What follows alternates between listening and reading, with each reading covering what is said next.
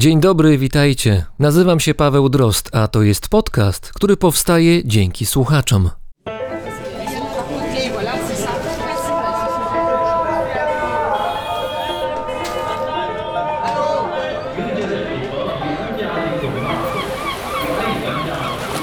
Brzmienie świata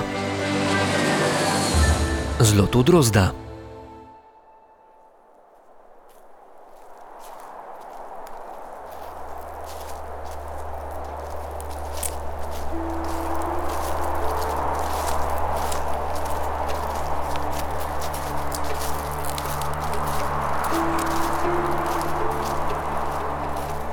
Było parę minut po północy.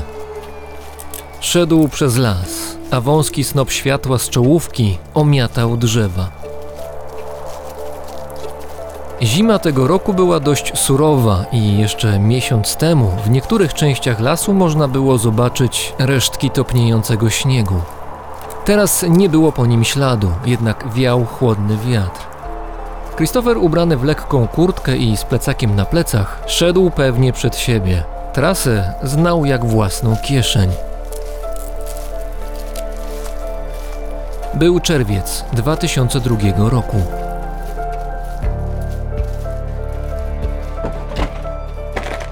W tym domu bywał wielokrotnie. Próbował wyważyć okno, ale było zabezpieczone lepiej niż wtedy, gdy odwiedzał go ostatnim razem. Wszedł do środka, skierował się do miejsca, w którym właściciele w szafach gromadzili puszki z jedzeniem.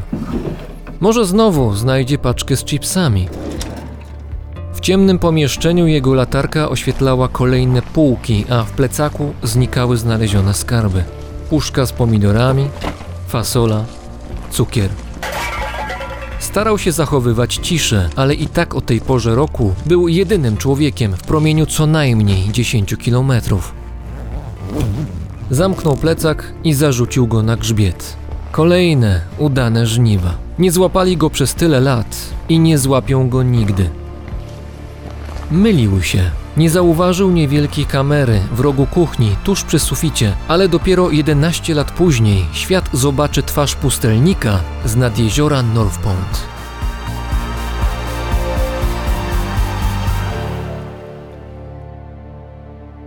Christopher Knight od małego był człowiekiem, który nie rzucał się w oczy.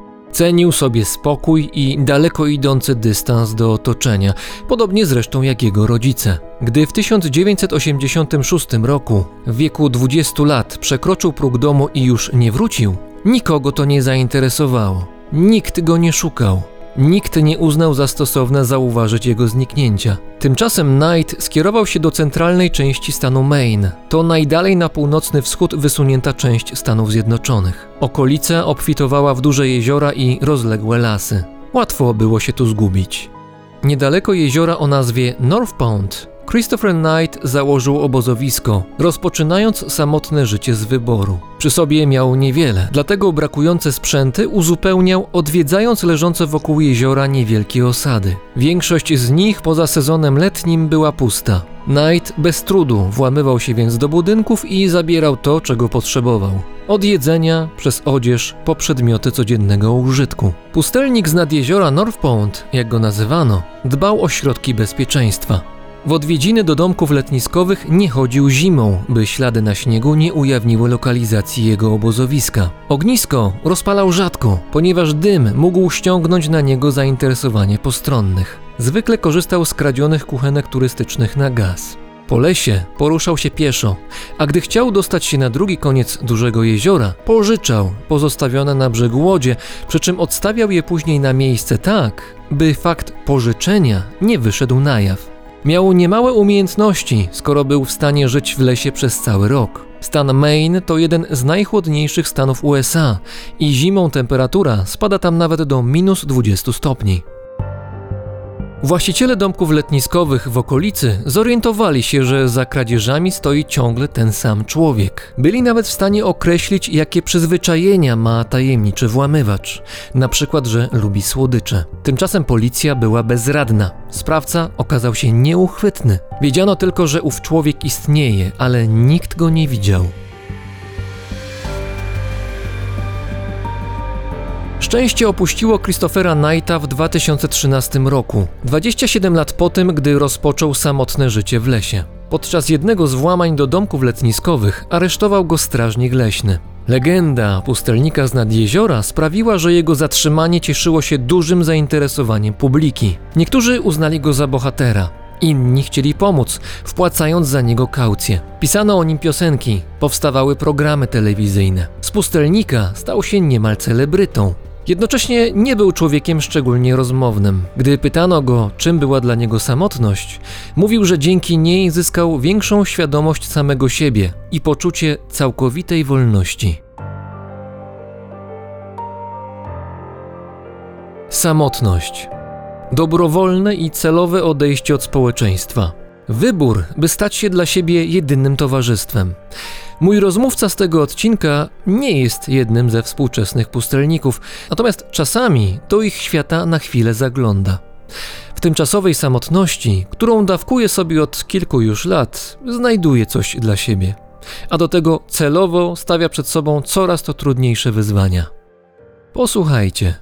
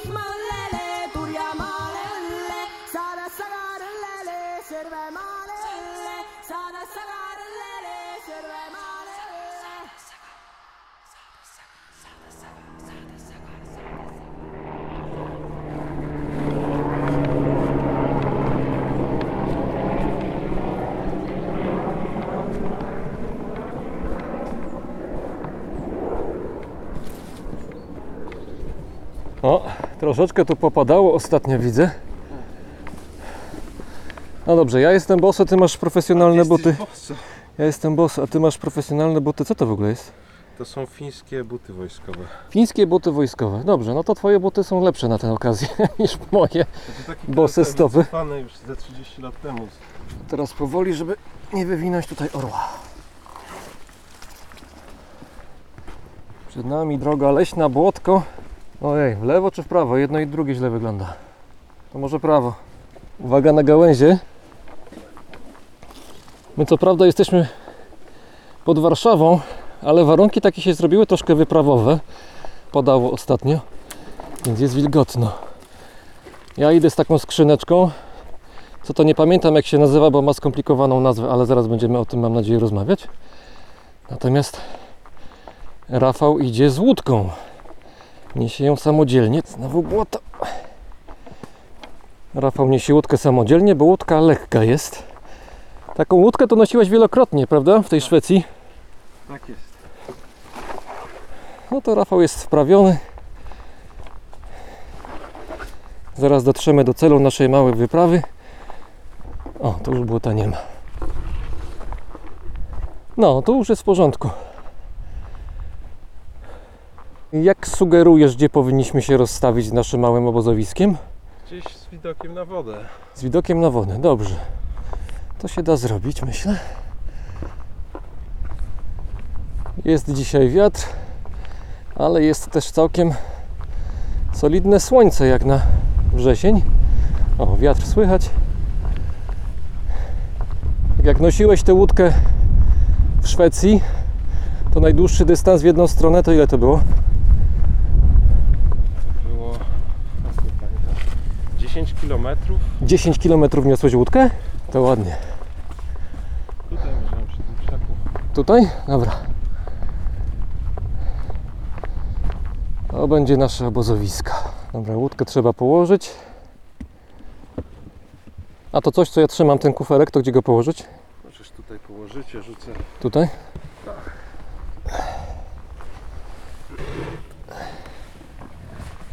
Wiesz, to jest dosyć duży wiatr. Czy moglibyśmy zrobić z tej łódki, jakbyśmy ją na boku położyli, taką osłonę przeciwwietrzną? E, jak najbardziej, możemy. To tak. spróbujmy. Zresztą chyba tak robiłeś czasami, prawda? Robiłem. Jesteśmy na plaży, to po polsku musi być, prawda? Musi być parawan. Tylko my jesteśmy oryginalni, robimy parawan z łódki. Trzeba podważyć, żeby łódka stanęła na swoim boku. Bez wiatru. O, warunki niemal studyjne bym powiedział. Rozsiedliśmy się bardzo wygodnie teraz, pogoda też dopisuje, a razem e, ze mną jest e, Rafał Wierzbicki, zwany też Rufusem, szef wydawnictwa Stary Wspaniały Świat, autor wydanej w zeszłym roku książki Subarktika. Tak sobie myślałem, jak Ciebie przedstawić. To będzie potworek językowy, wybacz, ale spróbujemy się nad nim pochylić. Jednoosobowa grupa rekonstrukcyjna trapersko-podróżnicza. Może być? Może być, chociaż z zastrzeżeniem, że nie zajmuję się rekonstrukcją historyczną. Ale właściwie trochę się zajmujesz, to znaczy odtwarzasz pewne techniki, sposoby, też czasami sytuacje, sprzęty z dawnych lat. Tu mówimy o czasach sprzed 100, 150, czasami może nawet y, więcej laty i próbujesz je na sobie, na organizmie żywym, w trasie, w miejscach, w których raczej byśmy się bez sprzętu i dobrze przygotowani byśmy się nie pojawiali. Pewnie już od dekady jeździsz po różnych ostępach i Stany Zjednoczone były i Skandynawia parę razy i zawsze starasz się podnosić poprzeczkę i brać tego sprzętu starego z dawnych czasów więcej. To może najpierw o sprzęcie, który z nami jest, bo specjalnie na tę okazję, na okazję naszego spotkania tutaj nad Wisłą wzięliśmy trochę, no się ty wziąłeś, ja trochę pomagałem sprzętu. To zacznijmy może od tego pudełka. To wygląda, ja opiszę. Nie, nie opiszę, nie wiem jak to opisać. To bardzo Cię proszę, odbijam piłeczkę. No to jest pudło ze sklejki, którego dno jest dopasowane do kształtu łódki, więc ono jest e, specjalnie zrobione do tej łódki, które jest wykonane z naturalnego materiału. Sklejka jest naturalna, drewniana, które jest w zamyśle wodoszczelne. Tu jest uszczelka z naturalnej gumy. To jest wodoszczelne, to? Mhm. Nie wygląda. No nie wygląda. Ja wcześniej nie pływałem, nie jestem wodniakiem, który miałby bardzo dużo lat doświadczenia w pływaniu łodziami. Dla mnie to był pierwszy raz e, wyprawa łódką i od razu ze starym sprzętem, więc zamawiając łódkę u szkutnika poprosiłem też o coś, co by odpowiadało współczesnej beczce wodoszczelnej albo takim sakwom. No i on powiedział, że kiedyś właśnie stosowano coś takiego, zresztą sam też znalazłem w internecie, że coś takiego stosowano. To się nazywa vanigan z języka angielskiego i jest to po prostu skrzynka w zamyśle e, na prowiant, na, na piknik, żeby pojechać, zabrać naczynia, No, sztućce. dwa uchwyty są tutaj z boku, ja to też Tak niosłem jest. przed chwilą. No, nie jest jakoś to super wygodne, na plecy zarzucić, ale jednak jakoś jest poręczne. To jednocześnie służy mi, można na tym usiąść sobie, jeżeli się rozwiesi nad głową na przykład jakieś zadaszenie, albo można tego używać jako stołu, jak się usiądzie nisko na ziemi, więc jest wielofunkcyjne i mi na wyprawie służyło do przenoszenia wrażliwych rzeczy, takich, które naprawdę nie chciałbym, żeby zamokły. Książek, e, notatników, aparatów fotograficznych. Myślałem, że od zapałek zaczniesz. Najbardziej ważne, ważne rzeczy w terenie, to bym powiedział jednak zapałki, a te książki wymieniłeś na pierwszym miejscu. To prawda. To prawda, a zapałki miałem jeszcze w maleńkim, takim tradycyjnym, blaszanym pudełeczku, które miałem w kieszeni, bo zapałki wolę mieć przy sobie, niż w pudełku, które może odpłynąć gdzieś, e, więc to miałem osobno w wodoszczelnym pojemniku. Zajrzyjmy do środka. O, tu są takie blokady, drewniane też, One dociskają pokrywę dlatego od góry. od góry, dlatego jest możliwa wodoszczelność. O. Skrzyneczka z różnościami. Tak, tu jest uszczelka z kauczuku. Ale to pachnie. No Mm. tak, tak, tak. To są specyficzne zapachy tych wszystkich impregnatów. Powiedziałeś, z kauczuku jest uszczelka zrobiona, tak? Tak, z naturalnego kauczuku. A to ciekawe, bo niedawno miałem odcinek, gdzie kauczuk pełnił pewną rolę. To ciekawy ciąg dalszy. Słucham dalej. Trzy osobne przegrody. Sprzęt fotograficzny, do którego zaraz przejdziemy. Tu było dużo więcej książek, artykułów pierwszej potrzeby, mo- można powiedzieć, apteczka na przykład. I tu warsztacik, papier ścierny, Nici widzę. nici, sprzęt do ostrzenia, noża, wosk, zestaw do szycia, który jest y, też zestawem naprawczym do łódki jednocześnie. A telefon komórkowy gdzie? A telefon komórkowy został w samochodzie i nie był na wyprawie Nie miałeś go ze sobą w ogóle. w ogóle. Ale na, nawet na takiej zasadzie, że na wszelki wypadek, gdyby coś się wydarzyło, no już jak wpadnę do wody, wszystko mi zamoknie i będę, nie wiem, 100 km od jakiegoś człowieka, no to zawsze mogę zadzwonić, poprosić o pomoc. Nie miałeś tego. No właśnie nie miałem. To, co mówiłeś o rekonstrukcji, bo ludzie często rozumieją całkiem słusznie rekonstrukcję, że się odtwarza konkretną epokę i kompletuje sprzęt, który był dokładnie, powiedzmy, w latach 20. XX wieku na przykład. No to ja tego nie robię. Mój sprzęt nie jest skompletowany tak, że był identyczny z czymś, co było kiedyś wcześniej, ale staram się odtwarzać trudność dawnego podróżowania i starając się odtwarzać trudność, jeżeli zabrałbym ze sobą telefon, zresztą zabierałem na, na różne wyprawy i zawsze miałem taki zgrzyt, że no to ta cała reszta to jest taka fasada. No, spodnie wełniane oczywiście może będą trochę mniej wygodne niż jakieś super nowoczesne, chociaż też niekoniecznie. Kurtka czy płócienna koszula będzie wyglądała dziwnie, ale Masz, masz taką na sobie. mam na sobie, tak. Będzie wyglądała dziwnie, ale tak naprawdę to będzie w porównaniu z gigantyczną zaletą telefonu, który pozwala nam wezwać pomoc albo po prostu być w kontakcie z rodziną, no to będzie wszystko takie fasadowe. Starałem się odtworzyć prawdziwą trudność tego, no i wiąże się to z konsekwencjami, z mniejszym bezpieczeństwem na wyprawie także. Poszedłeś w tym odtwarzaniu, w tym realizmie, już dalej chyba już nie można. No to znaczy zakładasz, że może się wydarzyć coś takiego, że no, ja może przesadzam troszeczkę, ale chyba nie do końca, że to może być ostatnia wyprawa. Ja myślę, że na każdej trudnej wyprawie trzeba coś takiego założyć. Nawet z nowoczesnym sprzętem, jeżeli stanie mi się coś takiego, że będę potrzebował pomocy w ciągu kilkunastu minut, to mi telefon w żaden sposób nie pomoże, więc nawet jadąc na wyprawę z nowoczesnym sprzętem, muszę się z tym liczyć. Ale tak, no, telefony komórkowe stały się popularne w latach 90. Wcześniej, czyli każde pokolenie, łącznie z pokoleniem moich rodziców, jadąc na taką wyprawę, musiałoby się z tym godzić pokolenie moich rodziców i wszystkie, absolutnie wszystkie wcześniejsze. Biorąc pod uwagę, że tak naprawdę jestem pierwszym, czy może drugim, no bo są już ludzie 20 lat młodsi, którzy mogą to robić, drugim pokoleniem, które ma tę możliwość, no to nie jest jakieś straszne wyrzeczenie, że, że nie zabieram tego telefonu. No, cofam się zaledwie o, o dwa pokolenia wstecz. Chociaż jest element jeden, który ci przeszkadzał i to w książce jest zawarte. Chodzi o kontakt z rodziną, prawda? Natomiast zostawmy jeszcze te kwestie już samej wyprawy, zaraz o niej dokładnie opowiemy, ale ja bym chciał jeszcze wrócić tutaj do tego oto pudełeczka. Jak ono się nazywa jeszcze raz? Vanigan. Teraz ja tutaj widzę w tej lewej małej przegródce, to są aparaty fotograficzne. One też były z tobą teraz na wyprawie w Szwecji. To są dwa aparaty otworkowe, czyli one nie mają obiektywu w ogóle. To jest technika taka najstarsza, kamera obskura. Zamiast obiektywu jest, To jest duże. Drewniane to jest? ten jest drewniany, tak. Aha. Jest e, po prostu płytka z bardzo małą dziurką. Jak się przyjrzysz, to tam widać taką, no, ze słońcem widać. Słabo widać troszeczkę, Jest ale wierzę na czarna słowo. kropeczka na, na środku. A, teraz, teraz, teraz widzę. Dobrze, dobrze, jest. To jest zaledwie 0,2 mm. otworek i on powoduje, że obraz przechodzi i jest rzucany na, na kliszę fotograficzną z drugiej strony.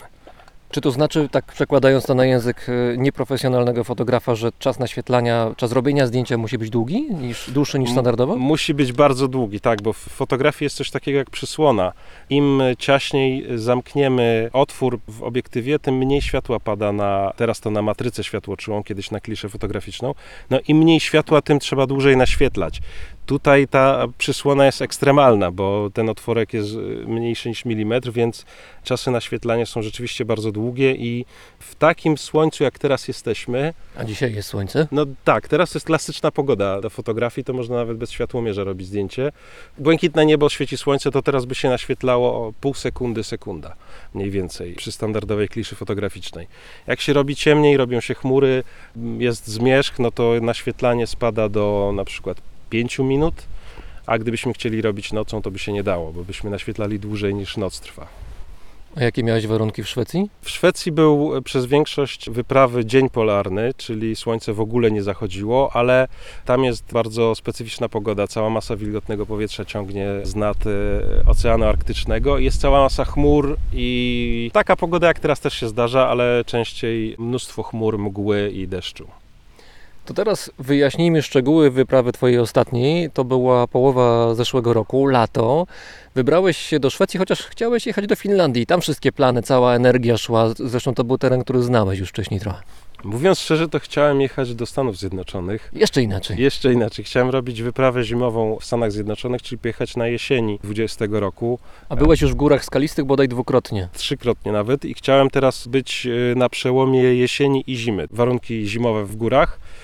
No ale niestety pandemia spowodowała, że musiałem zmieniać plany. Zmieniłem plany na Finlandię, którą dobrze znam i chciałem pojechać właśnie z tą łódką, popływać sobie po bardzo dużym jeziorze Inari, które ma kilkaset kilometrów linii brzegowej, kilka tysięcy wysp. Jakieś 250 km, 300 km na północ od Rovaniemi. Wszyscy wiedzą mniej więcej, gdzie Rovaniemi jest, no to tam jeszcze wyżej.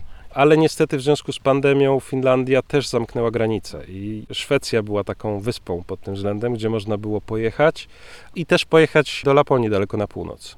To był wyjazd zamiast zimowego letni, zamiast y, Stany Zjednoczone i Finlandia była Szwecja. Dużo przypadków w tym wszystkim, ale to chyba Ci odpowiada. To znaczy ten element, znowu użyję tego słowa, rekonstrukcji też zakłada coś takiego, że nie wiesz do końca, jak wszystko będzie wyglądało. Oczywiście jesteś przygotowany, masz tutaj o, ten sprzęt, jest łódka kupiona na zamówienie, jest ten wanigan, tak dobrze? Tak. O, już zapamiętałem. Wanigan został zrobiony, parę jeszcze innych rzeczy przygotowanych, ale to nie jest tak, że masz każdy szczegół wyprawy, która miała w zamierzeniu trwać miesiąc, masz już w małym palcu, wszystko w notatkach i tylko odhaczasz kolejne dni. No nie jest tak. Nawet jakbym jeździł z nowoczesnym sprzętem, to chyba bym tak nie robił. To jest kwestia też preferencji.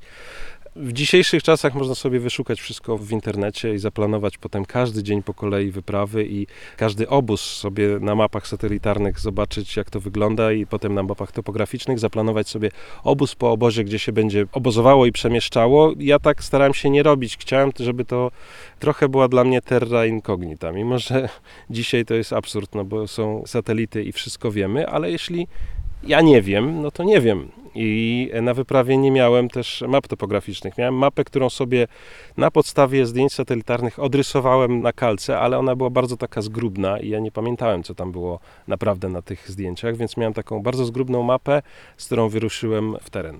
W związku z tym, jeżeli nagle wiatry poniosły mnie w zupełnie inną stronę, bo nie mogłem pojechać do Finlandii, tylko pojechałem do Szwecji, no to musiałem się dostosować i, i była nowa terra incognita i nowe przygody. Patrzyłem na mapach satelitarnych, oglądałem, gdzie ty się przemieszczałeś razem ze swoją łódką, gdzie obozowałeś. Długie, potężne, nie wiem ile kilometrów, bo nie mierzyłem, ale bardzo długie jeziora rennowe. Bardzo blisko już takie pasmo gór na granicy szwedzko-norweskiej. Teren miałeś urozmaicony, nawet bym powiedział, że dosyć wymagający. Teren był urozmaicony, to jest tak jakby połączyć Tatry z Mazurami. Dużo żaglówek, rozumiem. No nie, i turystów w klapkach. No właśnie, pod tym względem to nie. Te fajniejsze rzeczy z Tatry i Mazur te, do których tęsknimy, to znaczy już takie alpejskie szczyty, skaliste, z płatami wiecznego śniegu, no a z drugiej strony właśnie bardzo duże jeziora i teren wymagający, bo też zaskakujący. No, nie miałem ze sobą kuchenki gazowej czy tego typu rzeczy. Nastawiałem się na gotowanie na, na ognisku i Do tego jest potrzebne dobre drewno. Tam jest las sosnowy, w związku z tym drewno martwe, suche sosnowe, które się dobrze pali. No ale akurat w tym miejscu, gdzie byłem, w związku z tym, że nie miałem współczesnej mapy, nie wiedziałem, gdzie jest ten las sosnowy, były tylko brzozowy.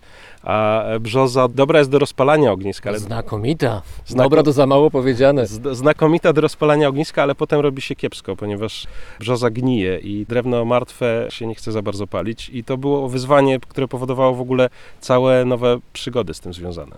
Chciałeś przeżyć przygodę przy tych założeniach, które wcześniej już wyjaśniliśmy, czyli sprzęt miał być raczej stary niż, niż nowy. Nie z jednej epoki, ale co najmniej te kilka dekad wstecz. I zamówiłeś też, ponieważ zakładałeś pływanie na wodzie, na jeziorach, zamówiłeś specjalnie na tę okazję łódkę. Ona tutaj nam robi teraz za wiatrochron, tutaj jest zaraz za moimi plecami, bardzo fajnie tłumi. I teraz o niej opowiedz troszeczkę. Ona, może jeszcze wspomnę jak ona wygląda, ona jest żółtawa w odcieniu, w środku ma stelaż drewniany, czy taki sklejkowy, nie jestem specjalistą, tak to trochę wygląda. I ona nie może być ciężka, bo przed chwilą na własnych barkach ją tutaj zaniosłeś i nie słyszałem nawet zadyszki, a jeszcze mówiłeś o tym, że 10 km ją niosłeś, więc to nie może być zbyt ciężkie. No tak, postanowiłem wyjechać na wyprawę, gdzie podróżowałbym łodzią i musiałem jakoś rozwiązać ten problem, żeby to nie była współczesna łódka z plastiku czy jakiś gumowy ponton. No to nie mogłeś pożyczyć mojego pneumatycznego kajaka, szkoda. No może następnym razem. No właśnie nie mogłem, ani nie mogłem kupić. Skontaktowałem się z człowiekiem, który wykonuje własnoręcznie, ma warsztat i wykonuje łódki z tradycyjnych materiałów i można mieć łódkę drewnianą, taką z płytek drewnianych i ona wtedy jest ciężka. No takie łodzie potrafią ważyć po 30-40 kg. No i noszenie tego to byłoby straszne. Można taką łódkę przenieść z jednego miejsca na drugie kilkaset metrów na przykład, od jeziora do jeziora, ale niesienie ją przez kilka kilometrów plus z innymi bagażami byłoby niemożliwe, więc zapytałem się go, czy jest możliwa łódka, którą byłbym w stanie samodzielnie nosić i on powiedział, że tak, są łódki robione na tej zasadzie, to się nazywa po angielsku skin on frame, czyli jest e, rama drewniana, właśnie z takich, e, to są listewki cedrowe, związane sznurkiem lnianym. Właśnie ten sznurek bardzo tak fajnie wygląda, jakiś taki jest no właśnie inny. To jest dratwa lniana. Jak się zwiąże całą tą ramę, to potem się naciąga na to płótno. Może być współczesne, na przykład kewlarowe i Marcin Bober właśnie, który wykonał tą łódkę, też robi takie łodzie z nowoczesnym płótnem. Ja go poprosiłem bardzo, powiedziałem mu, muszą być tylko naturalne materiały, żebym zobaczył, czy w ogóle się da coś takiego zrobić. On powiedział, że tak, da się. Płótno jest bawełniane, przypomina, jak tu weźmiesz, Aha, trochę jak jeans wygląda, prawda? Taki ma twardawe. tylko jest teraz twardawe oczywiście, bo ono jest zaimpregnowane olejem tekowym i lnianym. I nie przemaka, nie namaka. Co w przypadku łódek się przydaje. Przydaje się. Łódka w całości waży 15 kg, więc da się ją jak najbardziej nosić, da się nawet nosić jednocześnie zakładając na plecy, plecach ze sprzętem. Ale to jest też łódka, która jest podatna chyba na uszkodzenia, a jeżeli się pływa po jeziorach, gdzie pewnie kamieni jest sporo, to nie są jeziora pod tytułem piaseczek dookoła, tylko jednak te kamienie gdzieś tam występują na północy Skandynawii, no to uszkodzić można. Można. Tam nie ma za bardzo piaszczystych plaż, jest to po prostu rumowisko skalne zalane wodą. Taka łódka rzeczywiście jest delikatna, może się przedrzeć, może się przedziurawić, chociaż bardziej niebezpieczne niż kamienie byłyby dla niej jakieś podwodne drzewa z ostrymi, sterczącymi konarami. To byłoby gorsze. Trzeba uważać, trzeba bardzo się o nią troszczyć. Nie można robić tego, co ja robiłem, czyli jak się osiadło się na dnie, to przesuwając ciałem próbować się wyślizgnąć na wodę. Ja coś takiego zrobiłem i potem właśnie jakoś tak coraz więcej wody było w tej łodzi w czasie płynięcia. Nie za dużo, ale z każdą minutą jakby kilka kropel więcej i się okazało, że się przedarła, trzeba ją było naprawiać w środku wyprawy. To właśnie widziałem tyrana bitewną tutaj po drugiej stronie, tak klejenie. I to klejenie też się odbywało w sposób naturalny, to znaczy nie brałeś kleju z kastoramy, tylko używałeś innych metod. Tak, samo przecięcie jest po prostu zszyte nicią. Potem e, Szyłeś łódkę. szyłem łódkę, tak, taką po prostu igłą i nitką zwykłą do, do szycia ubrań. I potem przyłożyłem kawałek tego płótna, które też podlałem olejem impregnatem i jeszcze jest zaklejone dodatkowo taką naturalną żywicą.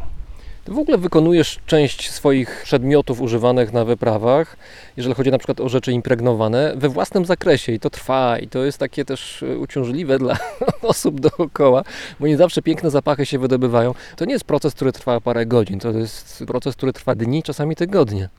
Jeżeli się wybierze konkretny proces, to rzeczywiście tak to wygląda. Rzecz jest w tym, że jeżeli jeździmy dzisiaj na wyprawy, no to po prostu ze współczesnym sprzętem, to idziemy do sklepu, kupujemy wszystko, co potrzeba, albo zamawiamy sobie z internetu.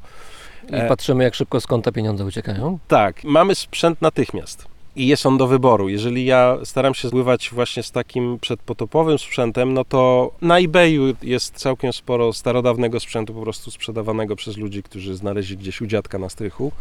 Są sklepy właśnie demobile wojskowe, ale w których są stare rzeczy, tak z lat 50. na przykład XX wieku albo starsze, gdzie są to naturalne materiały.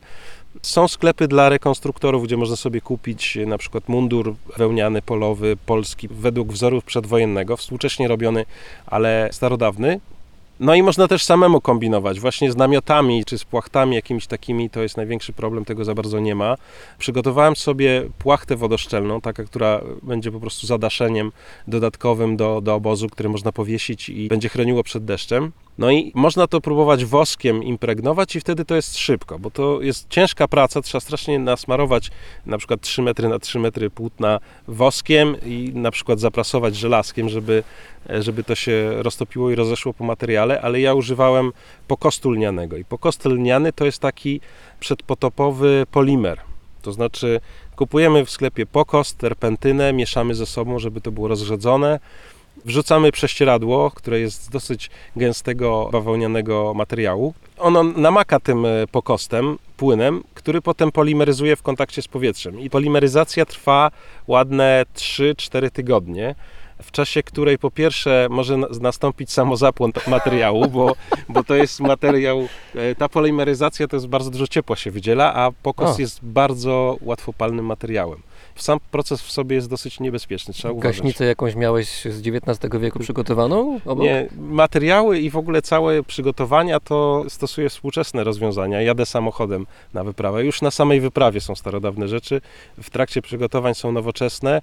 Robiłem to na ogródku, na kuchence elektrycznej, nie, żeby nie było płomienia żadnego, bo trzeba ten pokos z terpentyną podgrzać. Trzeba podgrzać coś, co jest ekstremalnie łatwopalne i lotne, bo jeszcze Brzmi terpentyna jak zabawa. brzmi jakby ktoś się chciał napalmem podpalić. E, Czy sąsiedzi wiedzą o tym, że coś takiego miało miejsce zaraz obok nich? Sąsiedzi nie wiedzą, ponieważ robiłem to na agroturystyce. Pozdrawiam. I potem, jak się namoczy to prześcieradło tym pokostem, to ono, on musi spolimeryzować. On się nagrzewa wtedy, w związku z tym musi być rozwieszone. No i oprócz tego strasznie śmierdzi, mówiąc wprost. E, Sam atrakcje. Tak, więc najlepiej jak na świeżym powietrzu, ale pod dachem, żeby nie zamógł od deszczu.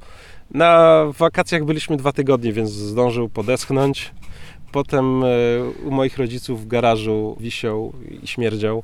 Ale na koniec mamy materiał, który jest e, wodoszczelny. Ale naprawdę jest wodoszczelny? Tak, był w straszliwych ulewach. Coś tam, jakieś krople się dostawały, ale nie przemakał. To nie jest materiał, który przemaka. Założenie Twojej wyprawy tej ostatniej do Szwecji było takie, że spędzasz miesiąc daleko od ludzi. Prawie się udało, bo tam parę osób gdzieś tam się pojawiło, jakichś wędkarzy przypadkowych, którzy sobie też do głuszy ruszyli, żeby ryby połowić. Ale czy to, czego doświadczyłeś, to jest to, czego oczekiwałeś? Były trudy, były rzeczy nieprzyjemne, było mnóstwo komarów. Patenty na komary też chciałbym, żebyśmy omówili za chwilę. Czy jesteś zadowolony z tej wyprawy? To znaczy, czy ona Ci przyniosła to, po co pojechałeś do Szwecji? Myślę, że to jest najfajniejsze z moich wypraw dotychczasowych. Było właśnie dokładnie to, czego oczekiwałem. Komary. Komary. Komary zawsze były na wszystkich wyprawach. Na tej wyprawie było ich więcej niż zwykle i było trudniej, ponieważ rzeczywiście nie miałem żadnych środków, nawet też chemii współczesnej odpędzającej komary. Ale było to jedno z wyzwań, z którymi sobie poradziłem. W związku z tym na koniec to jest satysfakcja, a nie, a nie przykrość. A to chodzi właśnie o to, żeby stawiać przed sobą wyzwania, trudności, które czasami wykraczają poza Twoje umiejętności aktualne, po to, żeby wyzwolić w Tobie energię do tego, żeby te trudności pokonać? Dokładnie tak jest. To jest rodzaj takiej mentalnej czy duchowej siłowni. To jest po prostu coś, co człowiek, jak pokonuje te trudności, to potem czuje się sam ze sobą dobrze, czuje satysfakcję z pokonania tego. To oczywiście nie mogą być takie rzeczy, które doprowadzą do ciężkiego rozstroju zdrowia czy zgonu, ale No, jeżeli ale telefonu nie miałeś. telefonu nie miałem i to była trudność rzeczywiście taka nieoczekiwana, ta, która nie dawała satysfakcji. To znaczy Dzisiaj jesteśmy przyzwyczajeni do tego, że zawsze możemy się skontaktować z rodziną. Nawet nie to, że wezwać pomoc, jakby coś się stało, ale co kilka dni przynajmniej wysłać SMS-a do rodziny, jeżeli sygnał jest słaby. I się upewnić, że wszystko jest u nich w porządku. Oni się upewnią, że u mnie, ja się upewnię, że, że u nich. I to była taka rzecz, której teraz, jak jestem ojcem od kilku lat, to wcześniej na wyprawach nie miałem tego. Wcześniej na wyprawie mogłem być bity miesiąc w dziczy, tęskniłem za rodziną, ale to inny rodzaj tęsknoty. Jak się ma dziecko, to jest inaczej i i to rzeczywiście było trudne. To było na tyle trudne, że po dwóch tygodniach popłynąłem łódką tylko po to, żeby z tego samochodu wziąć telefon, upewnić się, że wszystko u rodziny jest ok i zaraz następnego dnia z powrotem wrócić do dziczy. Jak wyglądały twoje obozowiska? To znaczy, to nie było tak, że jeździłeś, pływałeś tą łódką z miejsca na miejsce non-stop, tylko jednak były takie obozowiska, w których zostawałeś celowo na dłużej. Po prostu takie było zamierzenie. Tak, to nie była taka podróż, że codziennie obozuję w nowym miejscu, żeby przemieścić się z punktu A do punktu B. Punkt startowy i początkowy to było to samo miejsce, po prostu samochód, który zostawiłem nad jeziorem. I starałem się jakby zżyć z tym miejscem, które tam było. Niekoniecznie zobaczyć jak najwięcej na takiej turystycznej zasadzie, że muszę zaliczyć jak najwięcej. No ale co tam było zwiedzać? No jeziora, jeziora, skały, skały, jeziora, skały, komary, skały. No właśnie. Myślę, że dopiero po kilku dniach takiego obozowania w jednym miejscu zaczynam czuć się jak u siebie. To jest taki mój nowy dom, że wiem, co jest za tamtym pagórkiem, wiem, że tu pójdę sobie do strumienia, nabiorę wody, wiem, że tam chodzą renifery dalej, że tu jest bagno i zaczynam się zżywać z tym miejscem i te góry i te kamienie i te komary, ale to są moje. Po tych kilku dniach one zaczynają być moje. Twoje komary. To teraz, skoro już wróciliśmy do tego wątku, więc musimy o nim trochę porozmawiać. Patenty sprzed 100-150 lat na komary. Jakie znasz, jakie wykorzystywałeś i które się sprawdziły, a które nie? No z komarami w rejonach subarktycznych rzeczywiście jest duży problem. Tam są bardzo rozległe bagna, które się ciągną przez tysiące kilometrów dosłownie. I jak nastaje lato polarne, to to wszystko się budzi i szuka głównie reniferów, żeby je wyssać z krwi do cna, ale jak znajdą człowieka, to nie pogardzą. Kiedyś to był bardzo duży problem, także nawet można znaleźć w książkach dawnych twierdzenia, że w Arktyce w czasie lata polarnego nie da się przebywać, bo po prostu doprowadzi robactwo człowieka do szaleństwa. Jest kilka tradycyjnych metod. Współczesna metoda główna, taka naprawdę działająca, to jest środek DET, który powoduje, że te komary rzeczywiście na nas nie siadają. Ale nie jest zupełnie neutralny dla organizmu ten środek. Nie jest neutralny dla organizmu. Jak na plastikowy zegarek go nałożymy, to nam szkiełko zmatowieje i tak dalej. E, Jest to bardzo agresywny środek, ale powoduje, że te komary nie siadają. Do tego współcześnie stosuje się dosyć e, ciasne moskitiery. No ja tego nie mogłem stosować, musiałem sobie jakoś inaczej poradzić. Miałem moskitierę do spania i do zakładania na głowę, którą poprosiłem krawcową, tu kolejna rzecz, której nie mogłem kupić w sklepie, żeby mi uszyła z, z naturalnego jedwabiu, znalazłem naturalny szyfon, to jest taki do welonów ślubnych, To ciekawe. Mów dalej. w, w kropki. Zaślubiony Arktyce. Tak. Wiesz, jaki świetny tytuł książki? O, Z welonem. E, więc miałem taki welon i zawijałem się, zawijałem się w ten welon do snu i on rzeczywiście działał, o ile się podwinęło wszystkie, absolutnie wszystkie rogi, bo naj, nawet najmniejsza dziurka, gdzie komary mogą znaleźć drogę, tę znajdą. Jeżeli się to zawinęło, to można było spać. Natomiast ten sam materiał na twarzy się nie sprawdzał, bo jego splot był tak dwa razy gęstszy niż współczesne moskitiery i nie dało się przez to oddychać, człowiek się w tym podduszał. Więc nie mogłem, musiałem po prostu chodzić z twarzą na wierzchu. I ze środków chemicznych można smarować się dziegciem. Są takie maści. To nie jest ciemne? To jest taka brązowa, bardzo ostro pachnąca, niekoniecznie ładnie e, substancja, która na 15 minut działa jak DET. DET działa przez 2, 3, 5 godzin. Ta maść działa przez 15 minut, więc w sytuacjach krytycznych, na przykład załatwianie potrzeb fizjologicznych, to może e, być dobre na 15 minut, ale jak się jest 24 godziny na dobę w takim miejscu, no to się nie sprawdza i trzeba sobie inaczej kombinować. W starych książkach można wyczytać, że ludzie stosowali kadzidła z palonego łajna, odchodów zwierzęcych różnych, krowich, jelenich, po prostu jakie zwierzęta występują i których odchody mogą wyschnąć i być używane w formie opału. Tam były reniferowe i łosiowe bobki i kadzidło z nich zrobione rzeczywiście działało. Jak byłem cały w takiej chmurze dymu z tego, To już nic nie czułeś. to te komary na mnie nie siadały, ale nie, czułem, bo człowiek sobie wyobraża, że to jest jakiś straszny smród, że to jest zapach odchodów, ale nie, przetrawione czy niestrawione kawałki roślin, często jagodowych krzewinek, takie skompresowane w pelet, który można palić. Bardzo ładnie pachną. To jest taki bardzo ładny, słodki zapach, ale Alternatywa dla węgla w Polsce. Może to jest rozwiązanie na polski smog. może to jest rozwiązanie. Prowadzić renifery. I taki okopcony w dymie z odchodów, rzeczywiście byłem w stanie sobie spokojnie napić się kawy, czy napisać coś e, w notatniku. Ja zapytam, bo poruszyłeś delikatnie ten wątek i spróbujmy go delikatnie też omówić, ale jakoś nie głęboko. Jak za potrzebą chodziłeś i byłeś okadzany, albo tym dziegciem się smarowałeś, no to też wykorzystywałeś techniki chodzenia za potrzebą sprzed 100 laty? Mówiąc szczerze, nie znalazłem nigdzie w książkach opisu o tym, nie przypominam sobie, ale tutaj człowiek po prostu trenował swój refleks. To jest najszybsze załatwianie potrzeb fizjologicznych na świecie po prostu. Naprawdę dosłownie na przykład 10-sekundowe i już człowiek jest z powrotem ubrany. I papier toaletowy? Mech albo porosty. Jak wyglądał Twój dzień? Oprócz tego, że miałeś trochę zabawy z komarami, ale jednak no, jakaś rutyna obozowa musiała być. Spałem dosyć długo i leniwie, po 10 godzin. Potem jak wstawałem, to rozpalałem ognisko, żeby zagotować wodę na śniadanie, zjeść sobie w spokoju owsiankę. To trochę trwało, ponieważ o ile na początku miałem ze sobą zapałki, to rzeczywiście tu był mój błąd i trochę nie doszacowałem, ile ich będę potrzebował, więc mi się zapałki skończyły w połowie wyprawy. I potem miałem już tylko tradycyjne krzesiwo, czyli kawałek metalowego kabłonka, który się uderza o krzemień Tak zwane krzesiwo kowalskie. tak zwane krzesiwo kowalskie i z niego tryska taka bardzo malutka iskierka. To nie tak jak współczesne krzesiwa, gdzie z sykiem po prostu się sypie snop iskier, bardzo gorących, czy nawet stopione krople magnezji. Tutaj jest taka malutka iskierka i to jest wszystko, co z tego jest w stanie człowiek wykrzesać. Ona musi spaść na materiał, który e, zacznie się od niej żarzyć. No Ja miałem ze sobą zwęgloną bawełnę. Jest to po prostu kawałek czarnego e, materiału bawełnianego, który został zwęglony wcześniej. I on chwyta tą iskierkę, zaczyna się żarzyć, zaczyna się powiększać takie kółeczko z tego żaru. To trzeba rozdmuchać. Od tego rozdmuchanego żaru powinno się zająć coś innego, czyli na przykład kawałek chuby, spreparowanej w tym celu specjalnie, czyli kawałek spreparowanego grzyba. On się zaczyna jeszcze bardziej żarzyć i od tego gorącego żaru z tego grzyba można wreszcie rozpalić pęczek e, suchej trawy.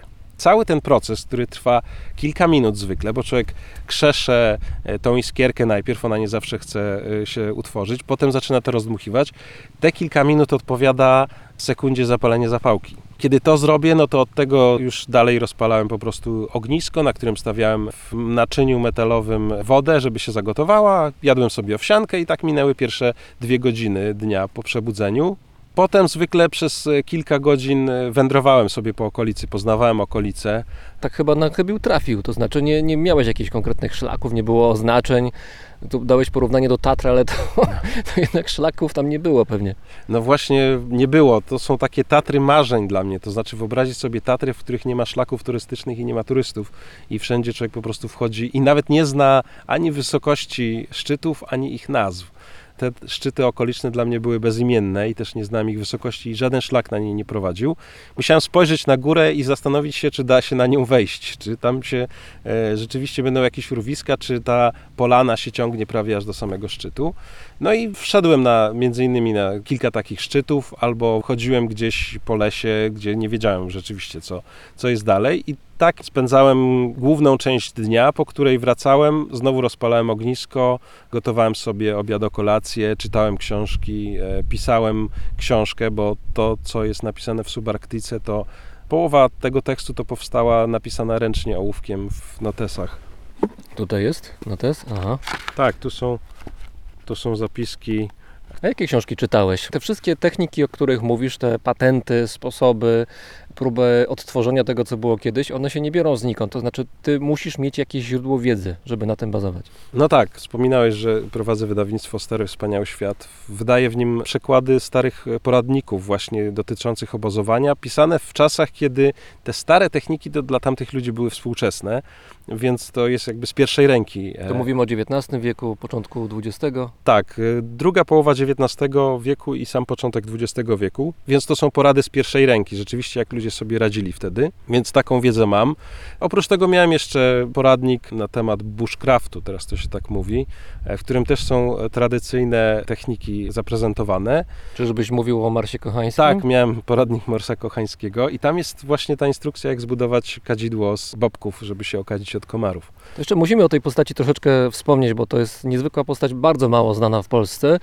Właściwie y, chyba Polak możemy powiedzieć, prawda? Tylko, że emigrant, który położył podwaliny pod sztukę bushcraftu czy tak zwanego survivalu. Mors Kochański, Kochancki, no bo już był Kanadyjczykiem, ale rzeczywiście Polakiem o tyle, że jego mama była Polką i kiedy w urzędzie powiedziała, jak ma się syn nazywać, to powiedziała Morris, tylko ją źle zrozumiano, bo miała akcent nie taki i był Mors Kochański. Człowiek w środowiskach ludzi interesujących się obozowaniem, czy w starym stylu, czy w nowoczesnym stylu, można powiedzieć tak sztampowo, człowiek legenda. Wieloletni instruktor technik survivalowych, technik obozowania, który w latach 80. napisał książkę, którą nazwał Bushcraft. I stąd między innymi dzisiaj ten sposób spędzania czasu się tak nazywa. W tej książce jest cała masa praktycznych porad. Tam nie ma za bardzo jakichś filozoficznych przemyśleń autora, tylko jest konkret. Jak Na- zbudować helikopter z patyków, no, no, takie. Dokładnie tak. Jak obozować zimą bez śpiwora, bez niczego. Czy w jamie śnieżnej, czy w szałasie. Te porady są bardzo praktyczne i konkretne i na bardzo szeroki temat. Chyba nam się wiatr troszkę wzmaga. Spróbuję tu schować. Mam dwie rzeczy przygotowane na nasze spotkanie. Ty się przygotowałeś, przyniosłeś łódź i ten wanigan, tak? Mhm. Wanigan, zapamiętałem. Natomiast ja mam zupę. Super. Zupa jest gotowa, jest w termosach. No to możemy zrobić przerwę. Dobra. Proszę. Ciebie. Jeszcze tylko łyżki. O, to się przydaje teraz jako stoliczek. Samolot nam sobie robi tutaj tło, a my sobie zjemy zupę. Do smacznego. Dziękuję.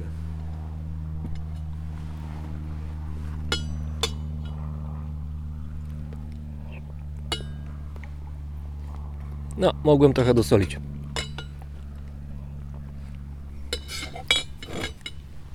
Na końcu swojej książki umieszczasz zestaw przedmiotów, które wziąłeś na wyprawę oraz też jadłospis. Na każdy dzień dużo tuńczyka zjadłeś.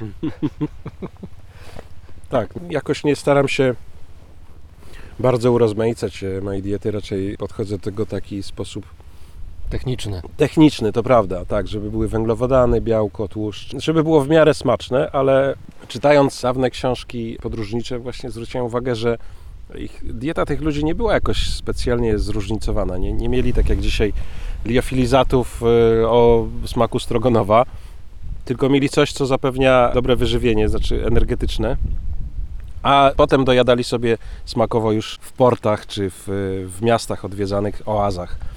Więc miałem dosyć proste jedzenie. Miałem e, kaszę kuskus, która jest najłatwiejsza do zagotowania, bo jej nie trzeba gotować praktycznie. Tuńczyk w puszce, miałem suszoną wołowinę, to jest biltong, to jest coś jak dżerki wołowe, tylko trochę smaczniejsze, trochę bardziej elastyczne, nie takie suche. Miałem owsiankę na śniadanie, trochę dżemu. Więc przez 30 dni czy 28 dni obozowania, no to była dosyć monotonna dieta. Te Twoje wyjazdy to jest uciekanie do innego świata, czy raczej tworzenie sobie dla Twoich własnych, prywatnych potrzeb świata innego, ale jednak spędzasz czas przede wszystkim w tym świecie naszym tutaj. Jak wyglądają te wyjazdy i powroty? To znaczy, czy rekonwalescencja jest tutaj niezbędna, adaptacja i w jedną i w drugą stronę? Kiedyś, na początku, kilka lat temu czy kilkanaście, rzeczywiście ta różnica była bardzo duża, żeby na początku się przystosować do, do nowego świata, tego tam w dziczy gdzieś, a jeszcze większa po powrocie. Najczęściej y, jakieś łapałem przeziębienie, jakąś chorobę po powrocie, bo organizm był czy przemęczony, odwykły od tego, co mamy na co dzień. Teraz już tak nie jest i też po powrocie nie ma tak, że jest to jakiś taki straszny szok. To jest kwestia przyzwyczajenia się. Nasz organizm, nasz umysł też uczy się przełączać pomiędzy światami. To też jest umiejętność, której można się nauczyć, więc e, teraz nie jest to już tak straszne jak kiedyś. No ale to mówisz bardziej o kwestii fizycznej, ja pytam o psychiczną, o głowę. No to z głową jest tak samo. Kiedyś rzeczywiście było tak, że po dwóch tygodniach wyszedłem z lasu i w sklepie, gdzie jest bardzo dużo etykiet kolorowych, żółtych, czerwonych, dostałem oczopląsu, że po prostu za dużo, za dużo bodźców, bo się przyzwyczaiłem do tego, że świat jest e, zielono-brązowy. Ale dzisiaj już tak nie ma. Dziś po prostu umysł wie, że zaraz będzie tamto i się przestawia. To jest też kwestia treningu i dzisiaj już, już nie mam z tym takiego problemu. Kiedyś jeden z moich przyjaciół, bardzo doświadczony survivalowiec, powiedział, że jak człowiek jest tydzień, dwa tygodnie gdzieś w tak zwanej dziczy, w lesie sobie siedzi, albo nawet dłużej i czuje się tam dobrze, to ma ciągle w głowie, nawet jeżeli sobie tego nie do końca uświadamia, to, że zaraz wróci. Że zaraz wróci do tego miejsca, gdzie będzie spokojnie, gdzie będzie ciepło, gdzie będzie bezpiecznie. Czy ta myśl o powrocie do tego normalnego, w cudzysłowie, świata ciągle gdzieś tam się pojawia w Twojej głowie? Ta myśl oczywiście jest i to jest też jeden z powodów, dla którego jeżdżę raczej na dłuższe wyprawy, staram się jeździć. Czytałem wypowiedź kobiety, która podróżowała z Larsem Monsenem, to jest taki norweski podróżnik. Oni podróżowali razem, przeszli całą Alaskę i zapytał ją dziennikarz, jaki jest dla niej taki minimalny czas wyprawy, który ona potrzebuje. I ona powiedziała, że trzy tygodnie, bo przez pierwszy tydzień człowiek myśli o tym, co zostawił w domu, a przez ostatni tydzień myśli o tym, co co zaraz go czeka, więc ten środkowy tydzień to jest ten, który ma rzeczywiście dla siebie po to, żeby się poczuć tam, gdzie jest w tym miejscu. Ja to sobie tak przyswoiłem, ja to też mam w głowie, że rzeczywiście, no może nie konkretnie trzy tygodnie, ale żeby to był na tyle długi czas, żeby w środku tej wyprawy nie pamiętać już, który jest ten dzień na tej wyprawie i nie pamiętać, ile dni mi zostało do końca. I teraz byłem koniec zimy, początek wiosny subarktycznej w marcu. Przez miesiąc obozowałem ze starym sprzętem, starając się znowu podnieść sobie poprzeczkę i zobaczyć, czy dam radę z takim wełnianym kocem, starodawnym sprzętem, płóciennym namiotem, tylko w temperaturach minus 15, minus 25 stopni Celsjusza. W związku z tym, że siedzimy razem, stwierdzam, że eksperyment się udał. Eksperyment się udał, niczego sobie nie odmroziłem. Powiem nawet, że jeżeli się ogarnie technicznie wszystko i się wszystko dobrze robi, żeby człowiek nie zmarzł albo żeby właśnie sobie nogi czy ręki nie odmroził, no to życie jest łatwiejsze. W marcu, kiedy już nie ma nocy polarnej, tylko jest mniej więcej równonoc, 12 godzin dnia. Lepiej niż latem. Lepiej niż latem, bo nie ma komarów. I to naprawdę jest gigantyczna różnica. Ja poznałem po latach ludzi, którzy byli w Laponii wielokrotnie, ale nigdy latem, zawsze na nartach biegowych albo rakietach śnieżnych, bo rzeczywiście jest to różnica. Czy ja dobrze pamiętam, że miałeś kontakt podlodowy z wodą właśnie na północy podczas jednej ze swoich wypraw? Miałem, to prawda. Załamał się pode mną lód i prawie umarłem. Tę historię opisuję w książce, którą właśnie skończyłem pisać, która jest o zimowym obozowaniu. Pojawi się w przyszłym roku. Tak rzeczywiście było i teraz będąc tam znowu, miałem to zawsze w tyle głowy, że chodzenie po lodzie jest zdradliwe. Teraz było dużo lepiej, bo byłem w marcu, kiedy woda miała kilka miesięcy czasu, żeby zamarznąć na tych straszliwych mrozach, które tam jeszcze są. Ta przygoda, o której wspominasz, była na początku października, więc zupełnie inaczej. Śnieg przypruszył w połowie wyprawy, musiałem sobie jakoś radzić z cienką warstwą śniegu, ale też chwyciły pierwsze mrozy i to takie grube po 15 stopni mrozu w nocy więc strumienie, które normalnie zawsze człowiek musi przekraczać, jak chodzi po Laponii przez tundrę, to zawsze musi jakieś strumienie przekraczać, bo inaczej się nie da, no to one pozamarzały. Te strumienie zwykle mają wodę po kolana i człowiek po prostu marznie, przechodzi przez taki zimny strumień, idzie dalej. Tu trzeba było jakoś inaczej sobie radzić, przejść po lodzie, no i zawsze miałem nadzieję, że ta woda rzeczywiście jest po kolana w tym miejscu i że lód się nie załamie. Rzeka jest rzeka Lemenioki w Parku Narodowym Lemenioki. Tam musiałem przekroczyć rzekę. To nie wyglądało jak duża rzeka, wyglądało jak strumień. Na mapie był narysowany most, ale potem się dowiedziałem, że 10 lat wcześniej został zmyty przez wodę i nikt go już nie postawił. Po drugiej stronie rzeki stała chatka, do której już o zmroku, przemęczony kompletnie w przemoczonych butach, chciałem dotrzeć za wszelką cenę. Więc e, stwierdziłem, że zaryzykuję i przejdę po tym lodzie, po tym strumyku, jak się wydawało ale na wszelki wypadek zawiążę sobie nóż na zewnątrz ubrania, gdyby się tak zdarzyło, że wszystkie złe rzeczy by się złożyły naraz, czyli że załamałby się pode mną lód i że woda byłaby głęboka i że byłby nurt, no to wtedy tym nożem jakoś mógłbym się zaczepić o lód i spróbować wyciągnąć na powierzchnię. Tak trochę sobie żartowałem sam z siebie, że przesadzam, że to jestem takim teraz survivalowcem na wyrost, który tam przewiązuje sobie nóż na zewnątrz na kurtce, żeby przeżyć załamanie na lodzie. To, to lepiej w zębach ten nóż. Tak, no prawie w zębach i tak sobie żartowałem, że taki tutaj ze mnie Rambo. Po czym wszedłem na ten lód, lód się załamał, był nurt i nie było gruntu pod nogami. I ten nurt mnie wciągał pod lód. Miałem takie minutę, pół minuty zupełnej paniki, którą można porównać do boksowania w panice, żeby ten nurt nie wciągnął pod lód i po prostu rozbijania tego lodu wokół siebie i taki długi pasek wydziabałem pięściami e, na rzece, płynąc z jej nurtem, po czym sobie przypomniałem o nożu i potem już jakoś jakoś sobie poradziłem i wyszedłem na drugą stronę, ale przyznam, że to był taki moment, że wtedy umysł pracuje kilka razy szybciej. Człowiek całe życie widzi przed oczami, przeprasza wszystkich swoich bliskich. No i też miałem myśli jako gracz karciany, jakie są moje szanse e, wyjścia z tego i dawałem sobie mniej niż 50%. Myślałem, że raczej z tego nie wyjdę. No, ale nie pozostało mi nic innego. Po prostu w tym momencie człowiek jest postawiony pod ścianą, robi dokładnie tylko to, co może zrobić. Ale to jest tak, że ten nóż służy za coś w rodzaju powiedzmy czekana w górach, to znaczy wbijasz się w lód i przy pomocy już bitego noża wyciągasz się na zewnątrz.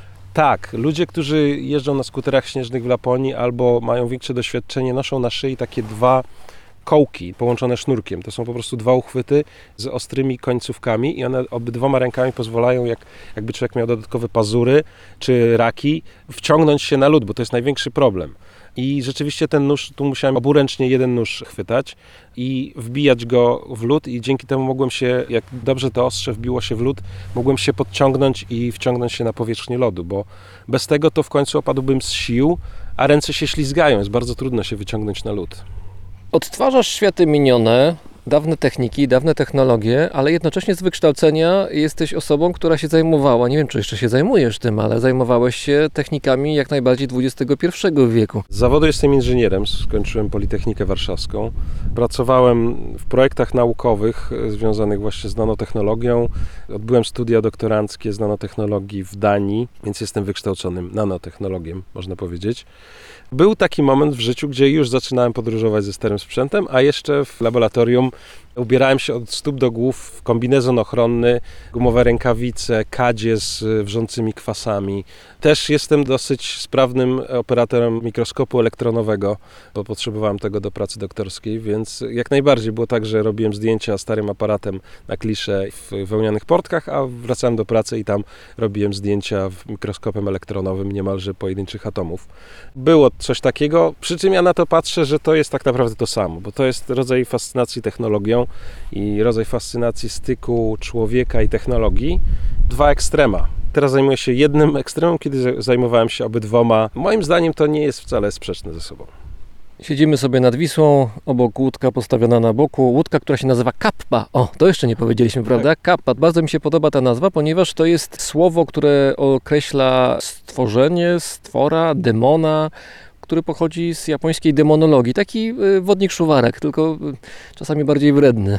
Tak, to szukałem dobrego imienia dla łódki i właśnie przeszukując różne tradycyjne demonologie, jakieś bestiariusze, czy jakie istoty kiedyś były wodne, to mnie zainteresowała kappa, czyli stwór żółwiopodobny, z tego co pamiętam japoński, taki złośnik, który mieszka pod wodą i morduje e, nieszczęśników, atakując ich od drugiej strony. Można nawet przekonać go do przyjaźni, wtedy bardzo pomaga. On jeszcze podobno ma coś takiego na głowie, taki rodzaj miski, garnka czegoś, tam jest woda i ta woda jest źródłem podobno jego, czy jej, w zależności od, oceny, mocy, więc jeżeli tam tego płynu nie będzie, ktoś naleje, to zdaje się, że wtedy w podzięce kapła jest na nasze usługi. No jest tam kilka różnych wariantów, ale najciekawszą rzecz, którą znalazłem, no już dobrze to już powiem, jest metoda, jest kilka metod na obronę. Jedna jest taka, że należy się ustawić tyłem do kapy, która czy który zamierza zaatakować i to Państwo wybaczą, opuścić bąka. I to podobno jest bardzo skuteczna metoda. Widziałem na drzeworytach japońskich, naprawdę. No więc myśląc o swojej łódce i o imieniu dla niej, jak przeczytałem o kappie japońskiej, to stwierdziłem, że są pewne zbieżności. To znaczy to jest taki stwór, którego nie do końca znam, bo to jest łódka zrobiona z jakichś patyków deszczułek, z, z bawełnianego płótna, która może mnie zatopi na tych wodach, ale którą warto byłoby obłaskawić, że może jeżeli będę przestrzegał pewnych zasad i może jej się grzecznie pokłonię, opuszczaniu bąków nie, nie, nie wiedziałem wtedy, ale to rzeczywiście by rozwiązało problem. E, więc rzeczywiście no, nadałem jej imię Kappa, jako takiego stwora, który może człowiekowi krzywdę zrobić, ale można też go obłaskawić. Razem z nami była Kappa oraz jej właściciel Rafał Rufus Wierzbicki, y, właściciel i szef wydawnictwa Stary Wspaniały Świat oraz autor książki wydanej w zeszłym roku, która opowiada o wyprawie do Szwecji z zeszłego roku z lata. Książka nazywa się Subarktika. Bardzo dziękuję. Dziękuję bardzo.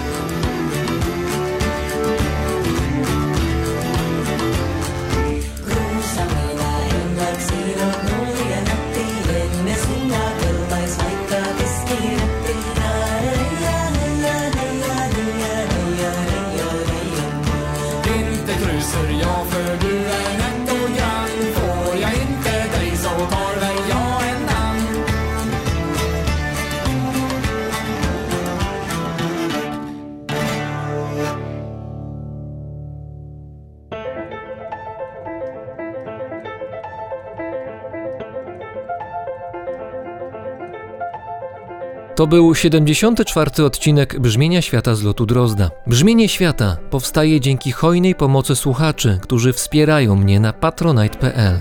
Możesz do nich dołączyć. Każda wpłata ma znaczenie. Dzięki Wam w każdą sobotę rano słuchać można nowych odcinków Brzmienia Świata. I za to serdecznie Wam dziękuję. Za pomoc i za dobre słowo.